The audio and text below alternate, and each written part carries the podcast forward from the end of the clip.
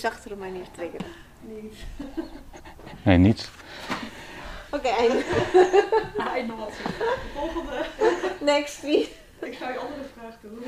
Oké, waarom ligt de focus meer op uh, de confrontatie dan op de verrijking? Ja, ik denk omdat je er zelf moeilijk mee om kunt gaan. Met een harde confrontatie. En dat je er daarom denkt dat, dat het voor anderen ook niet goed zou kunnen zijn. Um, het, dat, dat je zelf niet uh, die hardheid uh, kunt waarderen in andere mensen, wil niet zeggen dat andere mensen niet de hardheid kunnen waarderen die jij ze brengt. En hardheid is relatief. Uh, want wat je doet is eigenlijk helemaal niet hard. Uh, het is schijnbaar hard, want het komt even hard binnen, maar het maakt de persoon zachter. Uh, dus het is een beetje uh, in die zin tegenstrijdig. Als je iemand een beetje door elkaar schudt, um, of triggert, zoals jij dat noemt, dan, um, um, dan zet dat een proces in gang bij die persoon om naar zachtheid.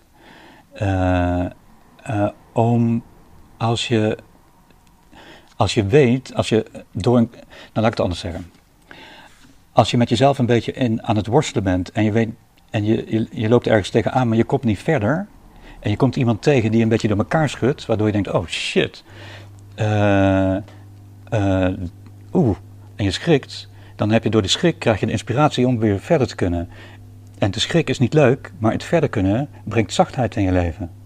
Dus uh, wat je doet is niet dat je hard bent naar mensen. Wat je doet is dat je een soort alarmbelletje geeft aan mensen waar ze zelf om vragen.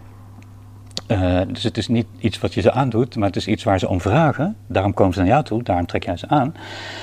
Om, ehm, om voor zichzelf meer die zachtheid in hun leven te krijgen. Maar die kan alleen maar komen door even er moet even eerst iets gebeuren voordat mensen dat weer kunnen snappen en voelen. En uh, die mensen zitten ergens op een plek waar ze het niet kunnen voelen wat er aan de hand is. En pas op het moment dat ze die trigger krijgen, dan voelen ze het. En als ze het kunnen voelen, dan kunnen ze pas eigenlijk iets mee doen. Dus wat je eigenlijk doet is. Uh, mensen die op een bepaald onderwerp iets moeilijk kunnen voelen, die help je om te voelen. Uh, dus hoe mooi is dat? Ja, het resultaat is ook altijd positief met de tijd, want dan zie ik dat het bereikt is. Oh, oh. Het resultaat is niet altijd positief. Het resultaat is positief, maar het trigger is ook positief. Want zonder de trigger gaat er geen resultaat komen. Hoe kan het voor mij dan ook goed voelen? Want de weg daar naartoe voelt voor mij niet goed aan. Wat ik zeg, als je de associatie ligt bij dat je zelf op een bepaalde manier getriggerd bent waar je zelf niet blij van werd en dat je bang bent dat je dat ook bij anderen doet, uh, dan kun je die, die associatie daarbij hebben. Maar als je het loskoppelt van jouw ervaring en de ander zijn of haar eigen ervaring kunt en niet jouw ervaring projecteert op die ander, uh, dan, uh, dan maakt het niet uit. Je bent nu aan het projecteren, zeg maar. Je projecteert jezelf op wat de, wat de ander gaat ervaren. Maar dus de ander ervaart op een eigen manier. En dus die, die verbinding moet je even doorknippen. De ander is verantwoordelijk voor de eigen ervaring. Die komt bij jou om dat te ervaren. Dus wat voor jou een vervelende ervaring voelt, is voor die ander helemaal niet een vervelende ervaring. Het is wel even vervelend, maar het is geen vervelende ervaring. Het is een positieve ervaring. Daar komen ze voor. Ze komen ervoor om dat te mogen ontvangen. Dus dat je, het, dat je het kunt geven is een hele positieve ervaring. En dat je dat voor jou minder prettig voelt, ja, dat is voor jou. Maar voor de ander is voor de ander. Dus je mag niet invullen voor de ander eigenlijk. Nivea. Niet invullen voor een ander.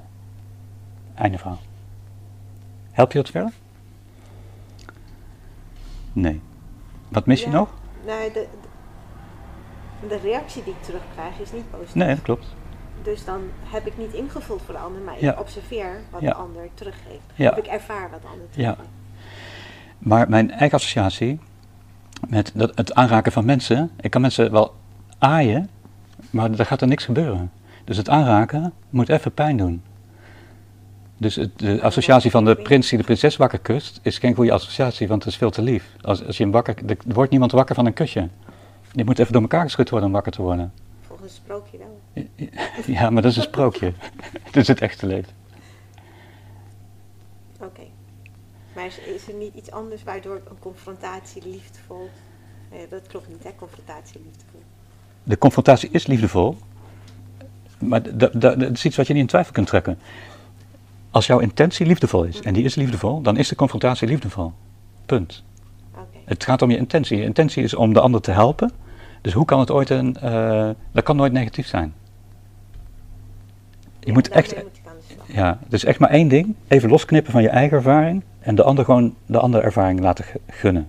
Ja. Zonder jouw eigen projectie. Ja, daarmee ga ik aan de slag. Nou, succes.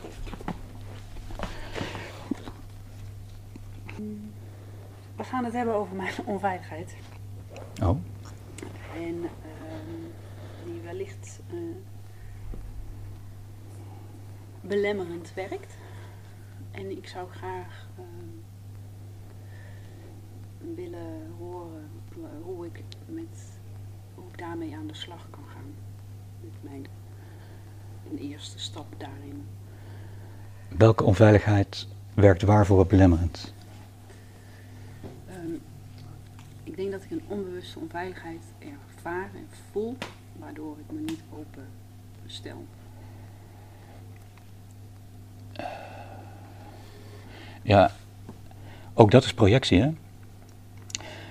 Wat ooit gebeurd is, projecteren je op de toekomst wat nog gaat gebeuren. En dat kan natuurlijk niet, want eh, ehm, wat je bij de ene gebeurtenis ervaart, is anders dan wat je bij de andere gebeurtenis ervaart. Dus ehm, vervelende ervaringen uit het verleden zijn geen garantie voor de toekomst. Ehm, maar als je dat wel zo ziet, vervelende, ver- ver- vervelende ervaringen uit het verleden zijn een garantie voor de toekomst, en dat is het spoor waar je op zit, kun je nooit openstaan voor nieuwe ervaringen. Ehm, en dat is natuurlijk makkelijk gezegd, eh, om dat door te knippen, los te laten, eh, want dat is een patroon wat erin zit. En een patroon kun je niet zomaar even loslaten over het algemeen. Ehm, wat je wel kunt doen, is anders kijken naar hetzelfde. Dus de uitnodiging zou kunnen zijn om de ervaring die je gehad hebt waar dit aan gekoppeld is, dat je die onveiligheid voelt, de onveilige ervaring, te plaatsen in het grote plaatje wat we bekeken hebben. En te kijken of het daar een plek in heeft, waardoor die toch heel belangrijk was.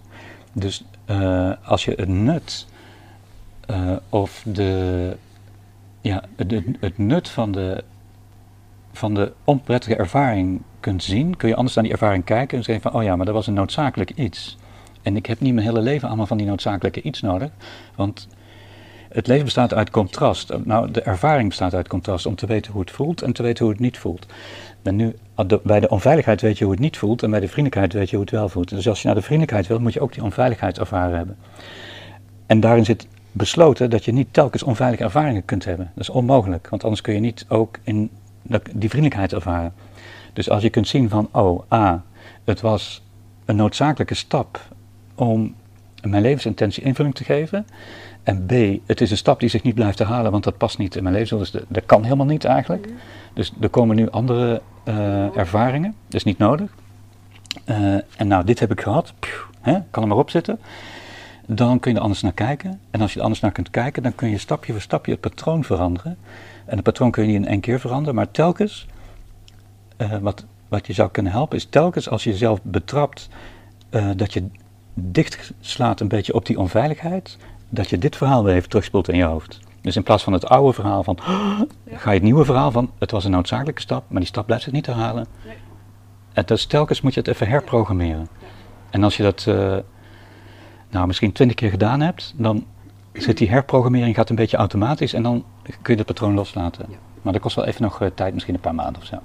Ja. Maar iedere keer, bij iedere keuze of bij iedere situatie waarin ik me onveilig voel. Wat ik Ja. niet bewust waarschijnlijk nee dat klopt. voel. Maar als je zo'n buikpijngevoel krijgt, dan dat is je alarmbelletje. Dan weet je van, hé, hey, ik moet alert zijn en dan moet je even dat ding paraat hebben. Oh ja, het was, eh, eh, eh, het is niet toen. Het was toen noodzakelijk voor mijn levensdoel. En nee, het blijft zich niet herhalen. Die drie dingen. Als je dat gewoon paraat hebt, kun je op een briefje schrijven. En dan bij buikpijn denk je, oh, waar is mijn briefje? Screensaver van je telefoon, whatever. Ja. Check. Help je dat verder? Ja, zeker. Dankjewel. Dankjewel. Eh, is er nog iemand die... Ik, eh,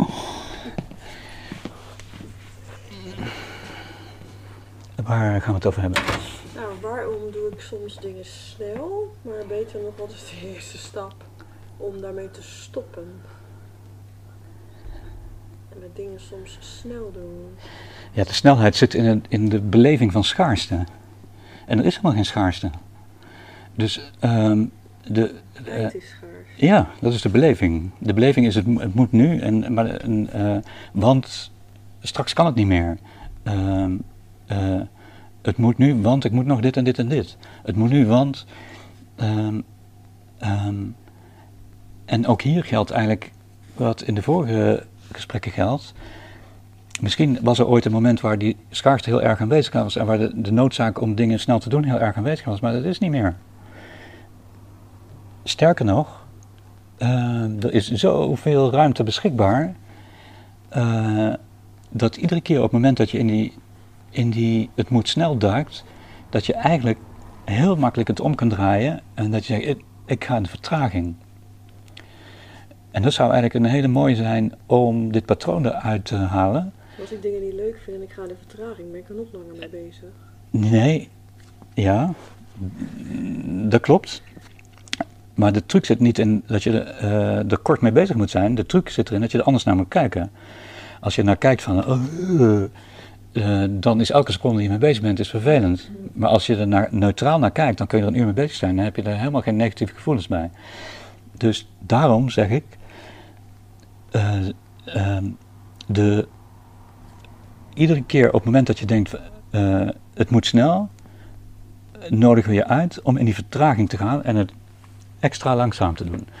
En terwijl je dat doet, om die beleving te neutraliseren, dat het niet eh, vervelend is, maar dat er gewoon dat er geen, geen oordeel op zit. Het is niet goed, het is niet slecht, het is niet te lang, het is niet te kort.